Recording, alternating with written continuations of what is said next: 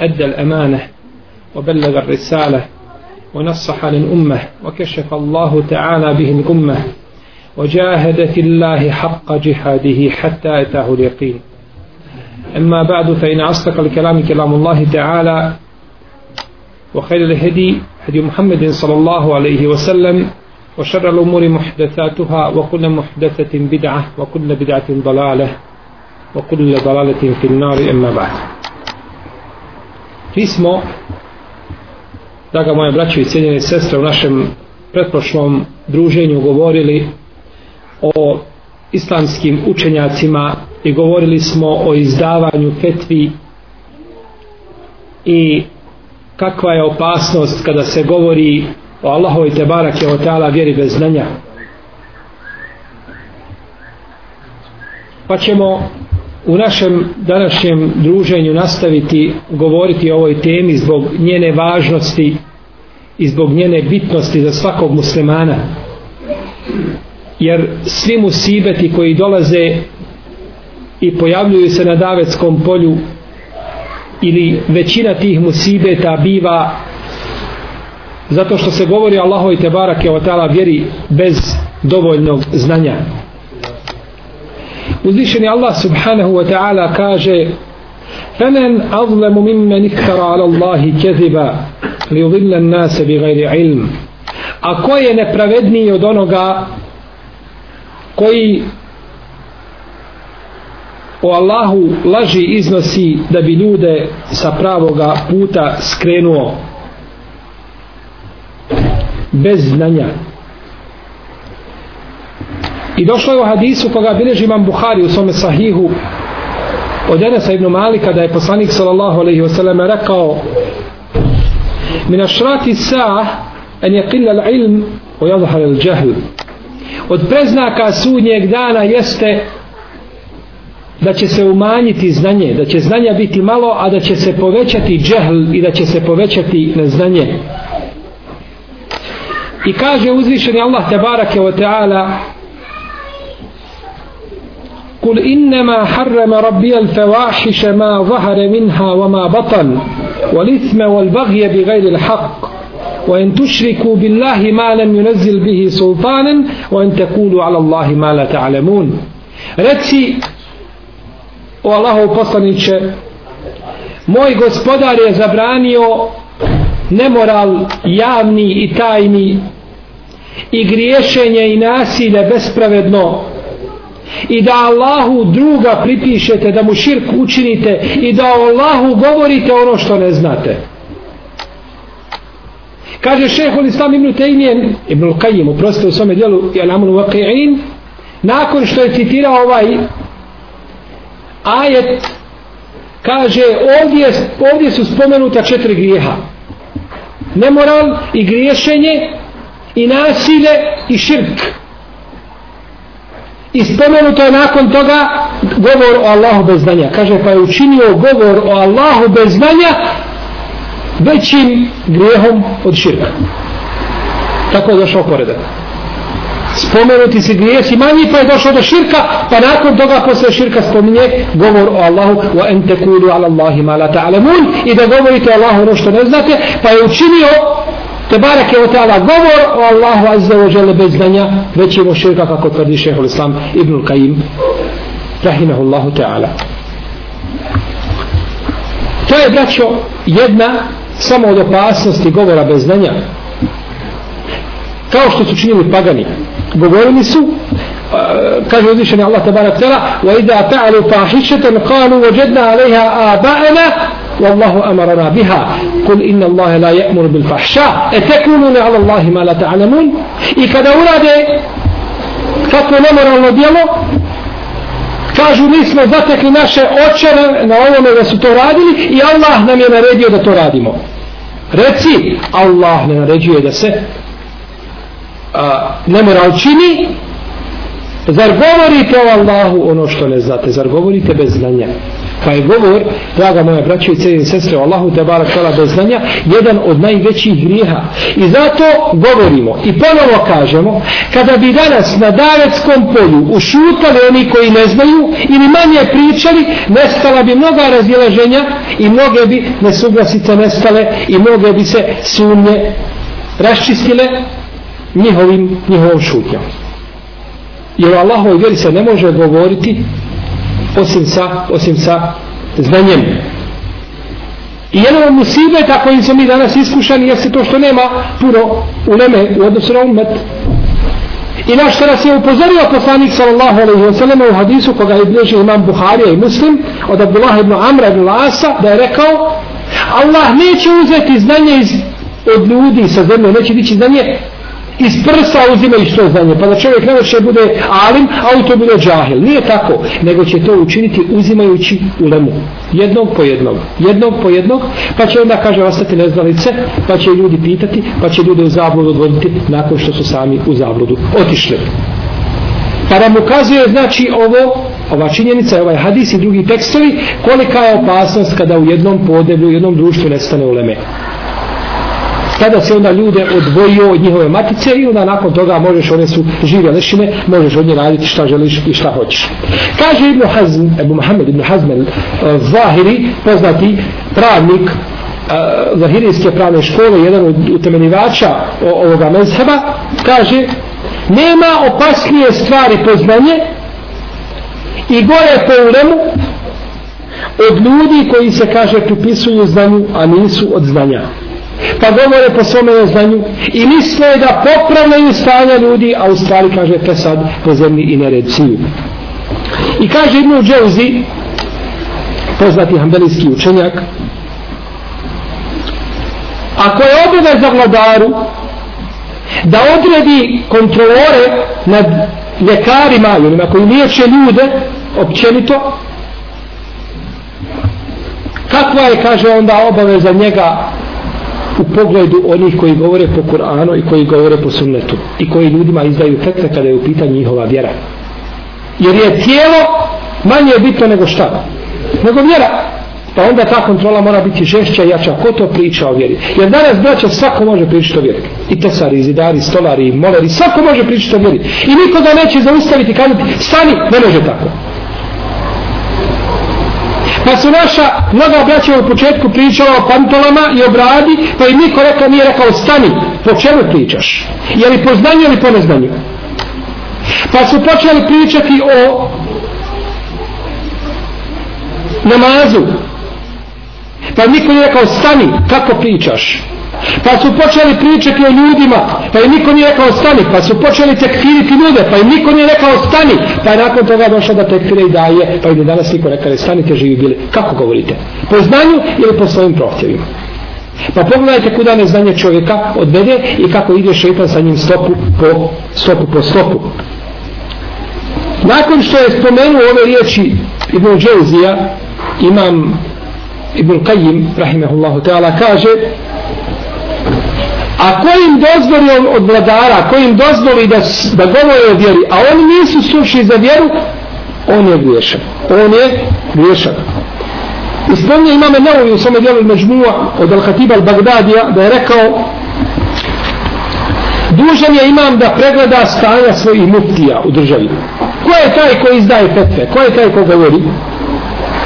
Pa kaže ko je za toga posla adekvatan, neka mu odobri i neka ga podrži. A kaže ko nije neka mu zabrani, pa ako bude pričao, kaže nek mu ne da kazni. Neka ga debelo kazni zbog toga što priča, a ne zna. Kaže šehol islam Ibnu Tejmije, kako od njega prenosi učenik Ibnu Kajim, ako kaže kuhari i pekari imaju kontrolu kako da nemaju oni koji govore o Allahove i Đelešanu vjeri i koji zaju petve. Oni moraju imati veće kontrole.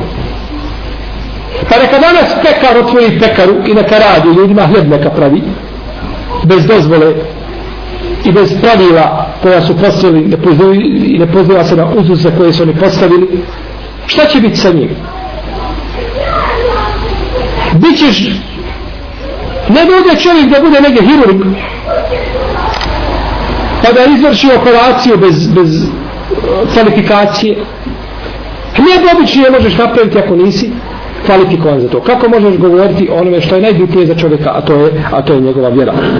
Kaže poslanik sallallahu alejhi ve sellem u hadisu koga bilježe Buhari i Muslim od Ebu Hurajre: "I da bujate na manetu fantafiri sa."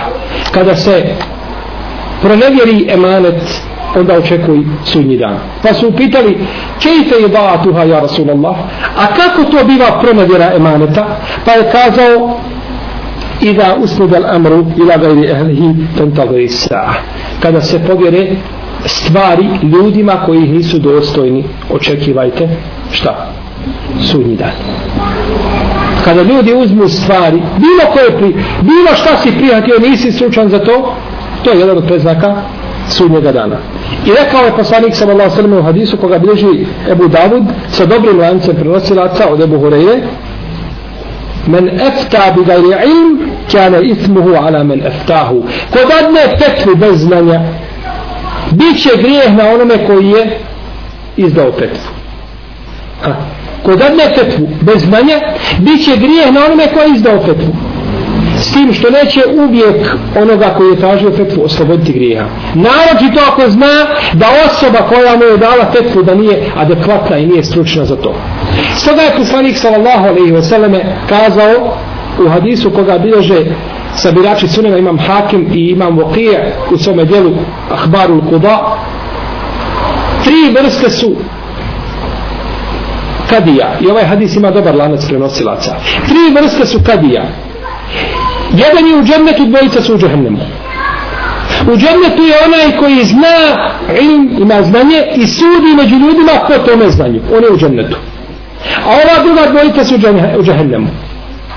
Prvi je koji ne zna i sudi po džehlu među ljudima, a drugi je koji zna kao i prvi, samo ne sudi po tome znanju, nego sudi nepravedno pa su ova dvojica u džahennemu, a samo je prvi u džennetu. Pa, draga moja braćo, dakle, znanje će koristiti čovjeku ako ga zna prvo i ako ga praktikuje. Nećemo koristiti ako ga zna, a radi suprotno tome znanju. Kada je El Qasim ibn Muhammed, poznati papih Medine, pitan u jednom pitanju, rekao je, ne znam, pa je ovaj što ga je pitao, počeo ga pritis, pritiskivati, kaže odgovori mi. Pa mu kaže ne znam Allahov robe. Razumiješ li me? Ne znam. Nemoj kaže gledati u moju dugu bradu i to što sve puno ljudi okupilo oko mene. Nemoj kaže gledati to. Ja ne znam. To pitanje i tako mi Allah draže mi jedan jezik odrežen što god da pričam onome što ne znam. El Qasim ibn Muhammed. Imam Fatih, jedan od Fatiha Medine imam Malik kada je kada bi bio pitan, kao uvijek mi govorio, kaže, nikada nisam upitan pitanje, a da nisam ispred sebe stavio džennet i džehennem.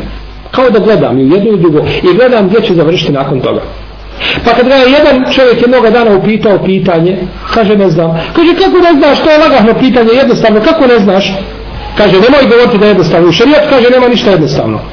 Zamisli kaže, čuje riječ Allaha tabarake od Allah, inna se nulqi alejke qavlom saqila i mi ćemo tebi težak govor objaviti. Težak i ozbiljan govori sve je takva vjera. Nema kaže ništa jednostavno. Imam neovi kada je pitano pitanje braće spajanja nije ta. Kaže razmišljao sam o ome pitanju 20 i nešto godina. Da li se mogu dva nijeta spojiti? Ja sada ubijeđen sam. 90% vas kada je neko pitao na ulici spajanje nije ta podelski sunneta, sunnenu vudu, tehijetul mesčida, može li se to spojiti? Vjerujem da su 90% odgovorilo to pitanje. Imam nevo i kaže, 20 i nešto godina sam razmišljao o ome pitanju, a imam nevo i braću u 40 i nekoj godini. Znači više od pola svoga života. I rekao sam, ar, arđu en labes. Inšala da neće biti smetnje inša Allah da neće biti smetje. Nakon 20 godina razmišljanja, običnog fiskog pitanja na koje bi mi sad u ovom momentu dali odgovor. Inna se nulqi alejke qawlan thaqila i mi ćemo tebi dati i objaviti težak, težak govor. Kaže imam Sofijun, to je jedan poznati malikijski pravnik koji je 240. iđeske godine, kaže ja sam tako mi Allaha kaže naučio ove knjige što su ispred mene Znam ih kao Fatihu.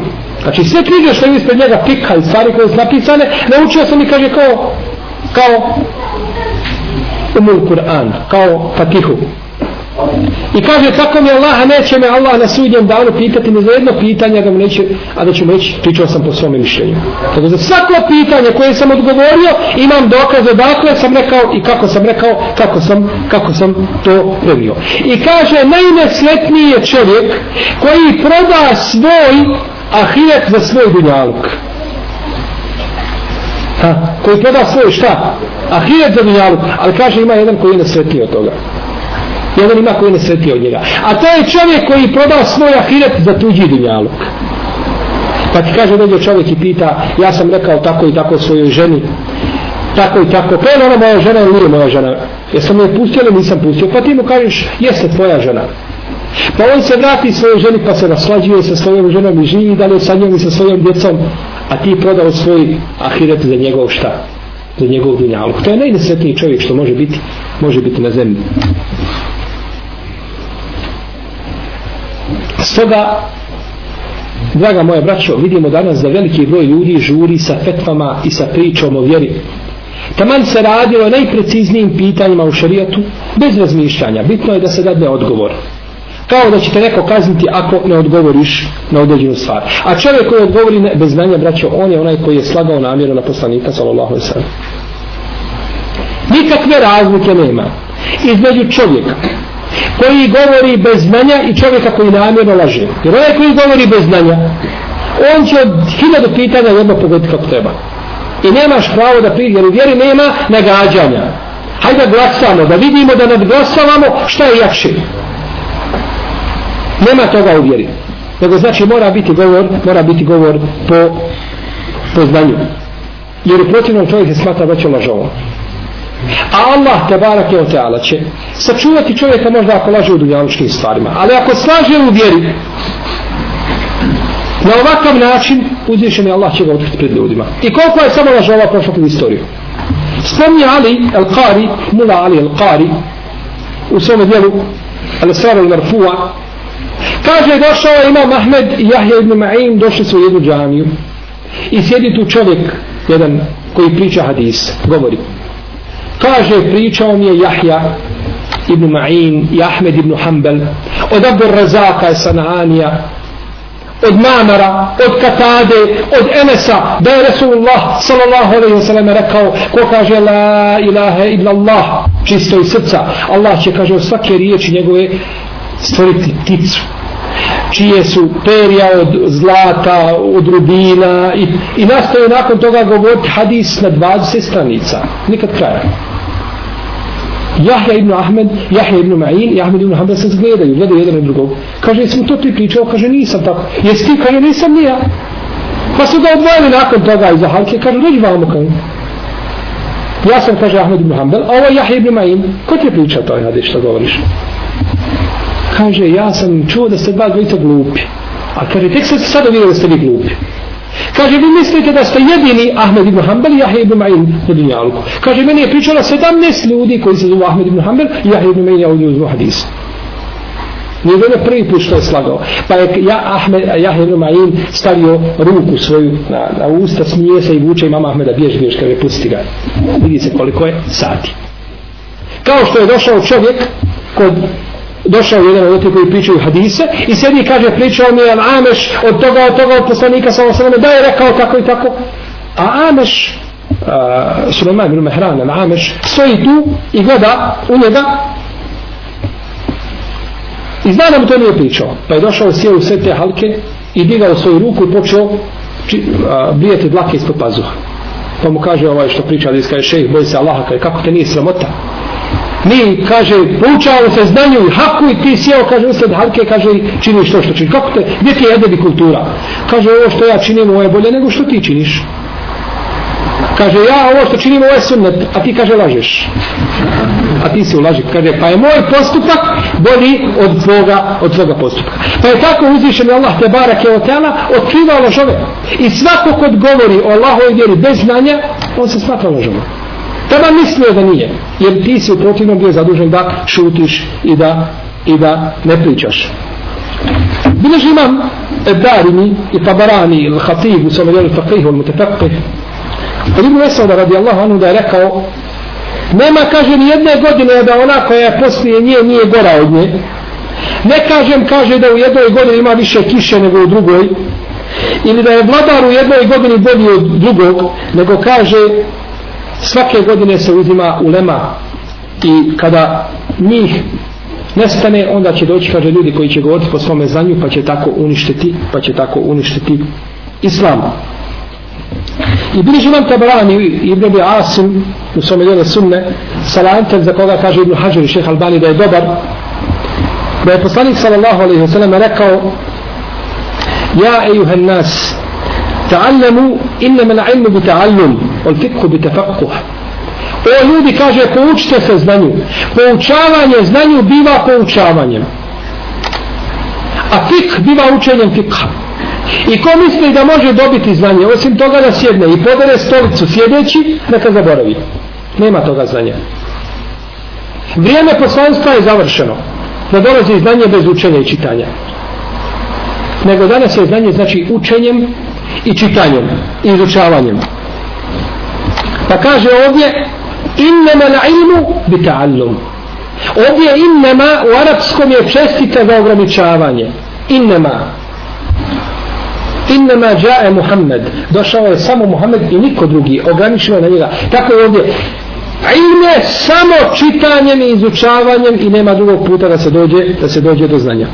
Tako ono što govore neki koji su skrenuli s pravog puta pa kažu vi uzimate znanje živi od živi a, mrtvi od mrtvog mi mrtvi od mrtvoga a mi kaže uzimamo živi od živog direktno haddeteni kalbi ar rabbi kaže pričalo mi je moje srce od moga gospodara Kad Ibn Hajar spomenuo ove riječ, kaže وَهُوَ كُفْرٌ بِتِّفَاقِ أَهْلِ شَرَاجَ Kaže, to je nevjerstvo po konsensusu, kaže, svih vjera. I židovi, kršćani, ovi, oni svi kažu da to ne može tako, da je to nevjerstvo da čovjek tako priča, jer to dolazi isključivo poslanicima na takav način. Stoga je, draga moja braćo, imam Eseuri govorio kako bilježi imam Ebu Nuaym u svom Hilije, kaže, znanje ima nekoliko etapa i prvi, kaže, prvi korak u znanje je slušanje. Drugi korak u znanje je pamćenje ili pisanje, kako hoćete. Treći korak u znanje je razumijevanje i četvrti te korak u znanju je prenošenje. Pa pogledajte kako se napravi greška kada se prenosi znanje prije ova tri stepena.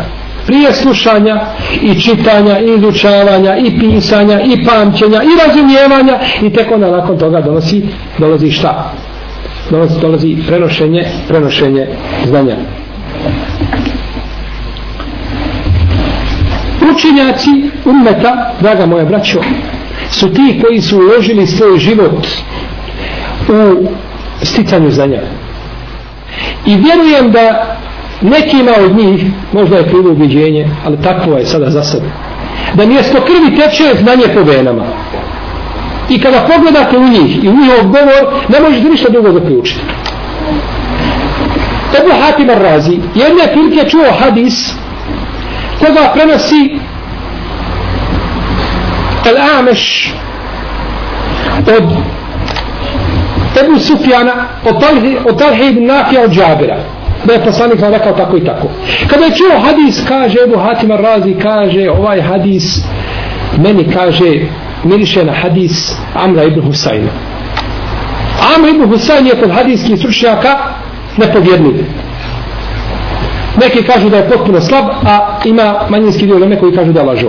kaže omen ne liči na hadis slika koja lameša kaže omen liči na hadis Amra ibn Husayna pa je ošao u drugu jednu drugi kraj zemlje pa je čuo taj hadis prenosi ga Elameš od Amra ibn Husayna od Ebu Sufjana od Talhe ibn Nafija od Džabira od poslanika sallallahu alaihi wasallam pogledajte ovoga Alima braćo. On ne zna on je čuo lanac. I on ima osjećaj da je jedan ravija izbačen. I to koji je ravija pogodio od 500.000 ravija pogodio raviju. Od 500.000 ravija koje mi imamo u šarijetu, on je pogodio u pravog raviju, kada on liči na njegove hadise.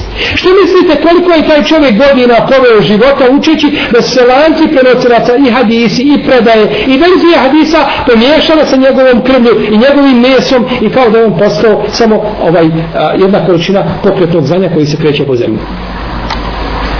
A ovo ne mogu braće nego ljudi koji su proveli i koji su svoja stopala čvrsto stane, nije im pisko pod nogama. Nije čovjek ode godinu, dvije, tri uči i dođe i nakon toga, on je muftija umeta i priča kako hoće i kako želi. Nego treba čovjek da provede godina i godina i uloži snage i truda i bolje da nauči Allahov vjeru, pa da onda da govori i opet da kaže kao što je govorila, Allah najbolje zna. Ovo je moje mišljenje, a Allah najbolje zna šta je, šta je istina. Stoga, draga moja braća, ne treba čovjek da žuri sa petvama, jer će biti pitan.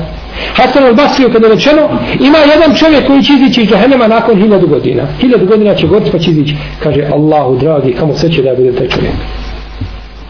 Allahu, da ja budem taj čovjek, Hasan al-Basri, koji je uzimao znanje od 70 ashaba i poznat da treba govoriti o njemu, kaže gospodar moj da ja budem taj čovjek koji će spasti vatre nakon hiljadu godina što će govoriti u, u džahennemu spomnije imame Darini sa vjerodostojnim lancem prenosilaca u svome sunenu kako kaže Ibn Hađar Asklani u svome djelu Fetul Bari od Busra Ibn Bejdillaha da je rekao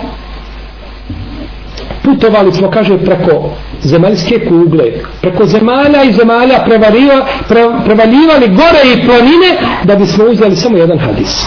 Čuješ da ima negdje jedan hadis i trebaš otići prevaliti hiljade kilometara na devi da samo uzmeš jedan hadis i da se vratiš. I možda kad uzmeš taj hadis možda bude dajiv možda bude slab.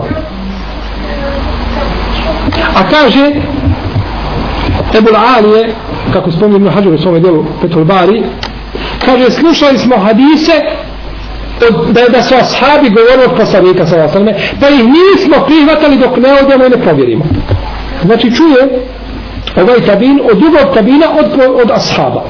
Pa neće da prihvati od tabina koji je kod njega, nego kaže hoće da ga direktno čuje. Hoće direktno da ga. I da ga je prihvatio ne smeta, jer hadis recimo a, da, da je kul huvallahu ahad, da predstavlja trećinu Kur'ana po nagradu, jeli? Prenosi sedam tabina jedan od drugog. Pa tek onda tabi tabina, ili unazad vamo prema sahabu sedam tabina. Nema smetje da prenose jedno drugi. Ali toliko su htjeli da provjere vijesti, nego kaže idemo i otputujemo nakon toga u Šam, ili u Egipat, ili u Kufu, ili u Hidžaz, ili u Basru. Nije bitno ili u Jemen, nije bitno kuda da čuju samo taj hadis direktno od ashaba koji ga, koji ga prenosi. I da čujete, draga moja braća, mi smo možda nekada spominjali priče njihovih putovanja kako su putovali, kako su stitali znanja i kako su na tome putu ulagali vrijedno i drago da bi nama ovaj emanet pre premijeli. Kojim se danas, nažalost, a mnogi muslimani poigravaju. Ja ću vam spomenuti, mimo onih primjera koje sam spomio prije toga, dva primjera u vreme kako su stitali znanje i šta ih je snalazilo na tome putu.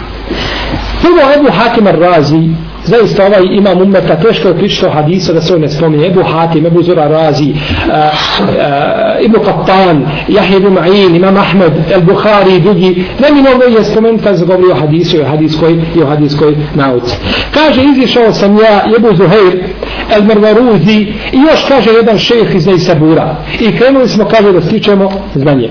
Pa smo, kaže, uzjehali lađu, ukrcali se na lađu jednu malu, i krenuli. Kaže, pa su počeli morski valovi. Pa su se kaže, ja, kaže, kada sam ušao u lađu, prvo večer sam se, kaže, odžulupio. A ne znam, kaže, plivati. Pa su me, kaže, zavezali za kanap, pa su me spustali u more, malo pomalo, kaže, dok nisam, kaže, tako se ugusulio, pa su me izvukli.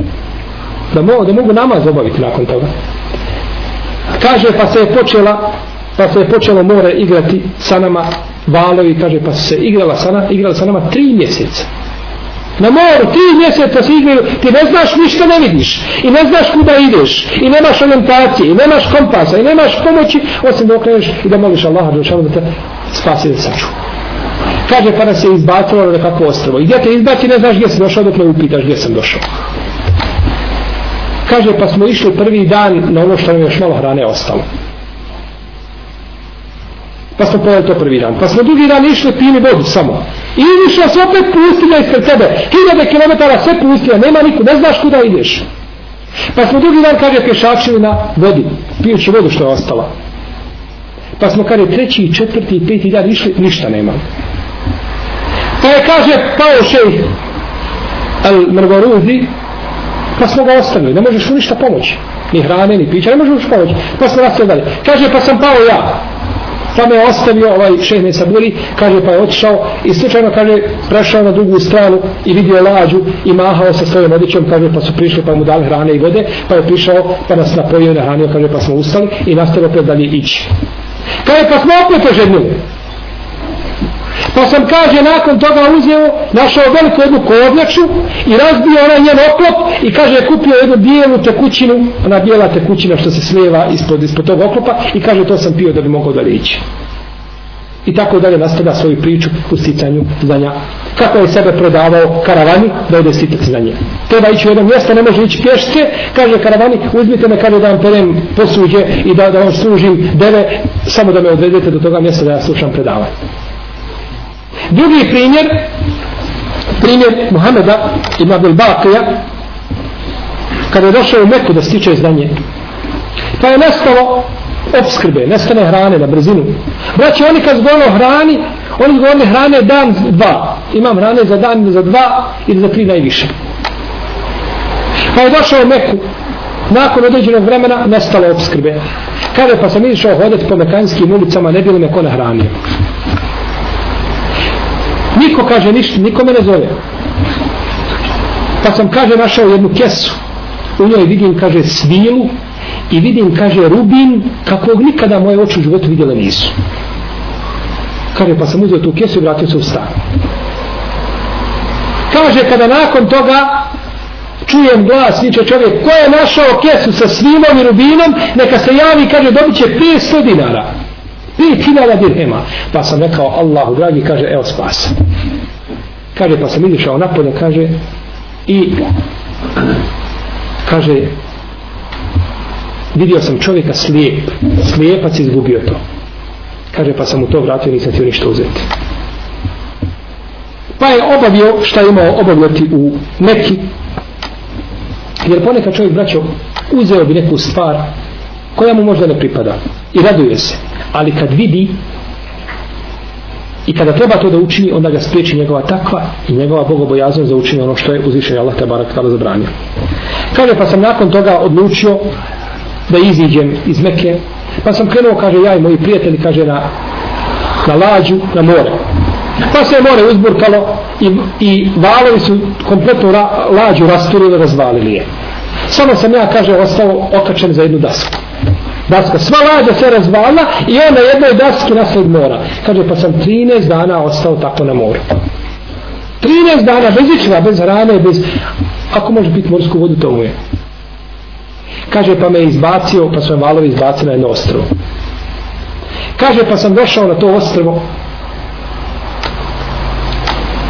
On je ostao, znači, u Mekke nakon toga, određeni period dok nije završio što se tiče znanja.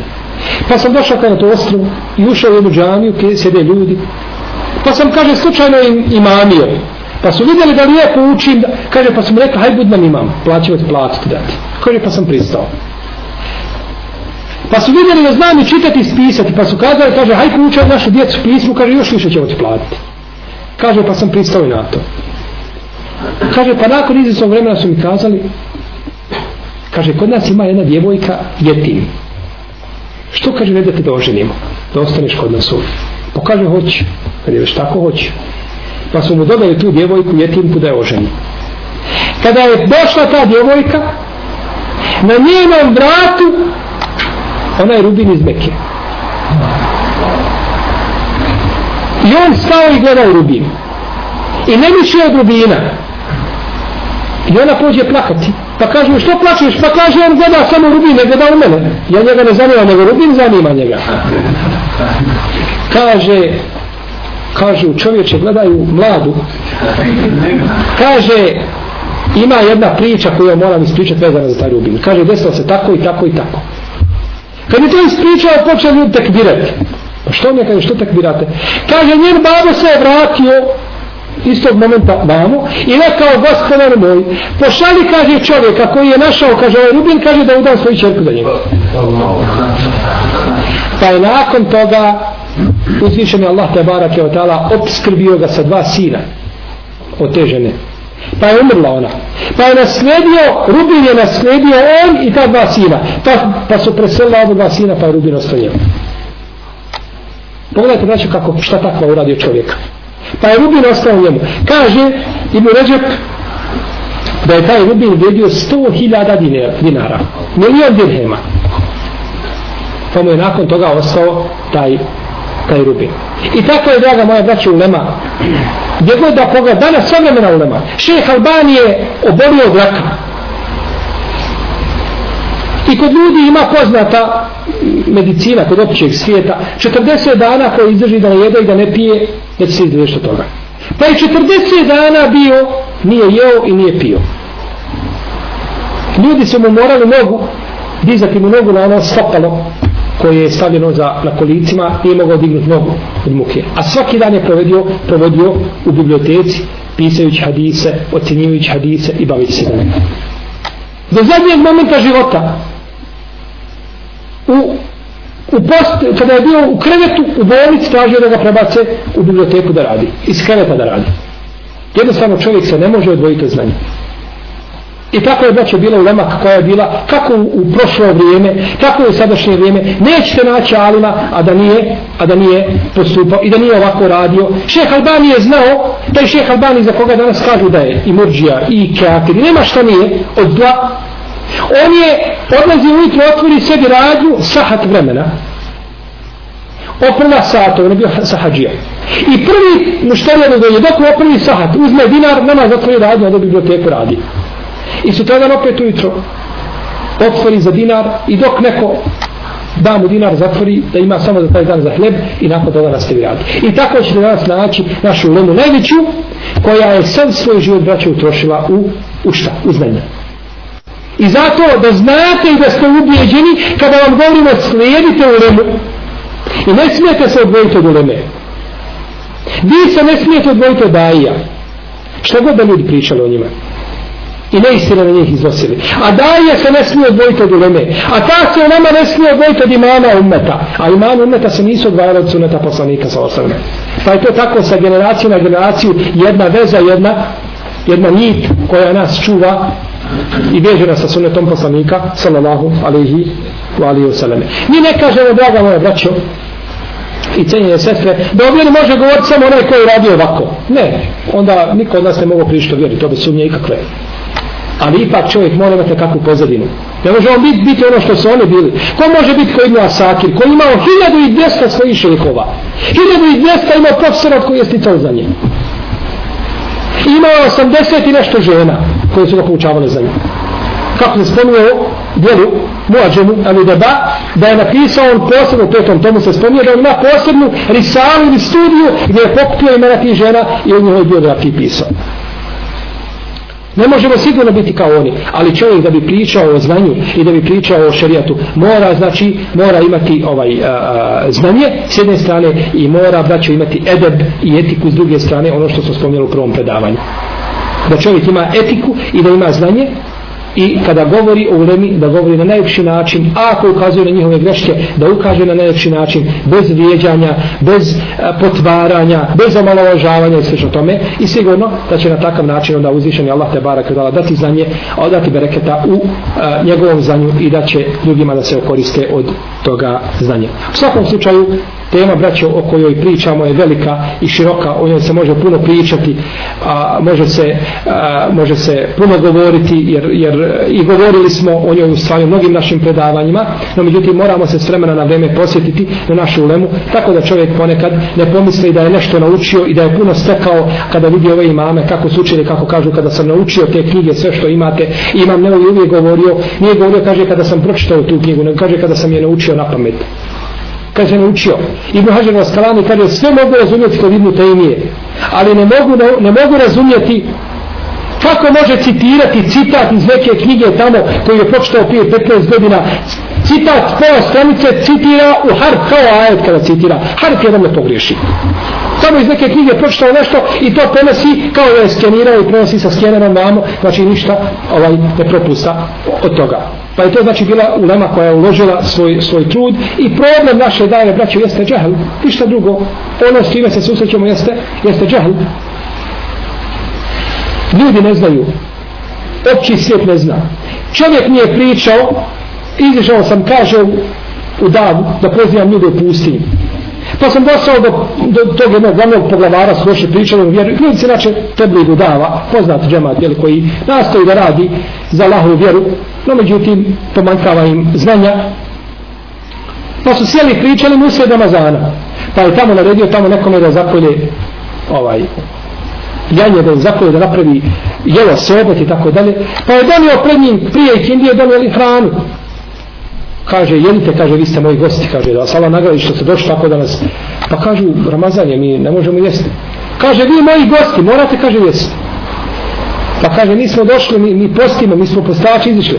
Kaže daj pušku. Pa je donio pušku, pa je repetirao pušku pred njima svima, kaže jesti, kaže ovaj za vas strana, jer kod nje najveći, ovaj, a, najveća uvreda je za njih, da im, da im odbiješ hranu koju ti je ponudio. Ljudi osnovne stvari, osnovne propise ne znaju. Stoga je braća dužnost ulemi i dajama i običnoj braći koji su nešto naučili da pozivaju ljude, da im govore, da im objašnjavaju. I nisu ljudi osnovi protiv, osnovni, osnovi znači nisu protiv vjere, no međutim treba naći, braćo, treba se naći mehko i blago srce, da ljudima govore, pa da to bude sa srca na srce, a ne da bude sa jezika, pa pravo u čelo, kao, kao onaj, onaj ekser desetka pa kada mu zaglaviš u čelo, nego treba čovjeku lijepim riječima kazati, objasniti, pojasniti i da vidite da ljudi mnogi prihvataju, a onaj ko ne prihvati, pa nije prihvatio hajr koji mu je nuđen, neće imati opravdanje na sudnjem danu pred Allahom te barake od Allah, ama baš, ama baš nikakvog. Ja molim Allaha za uđel da nas uputi na pravi put i da popravi stanje muslimana, da ujedini njihova srca i njihov saf i da popravi naš odnos prema onima koji, koji, prema kojima duž, smo dužni da se obhodimo na najviši način prvo od ashaba poslanika sa osaleme tabina potom uh, uleme kroz generacije i stoljeća i molim ga za uđel da nas proši, proživi u društvu sa našim poslanikom iskrenim dobrim i šehidima a divni su oni društvo. Allahu Teala alem wa sallallahu ala nebina Muhammed wa ala alihi wa sahabi ajma'in. Wa jazakumullahu khairu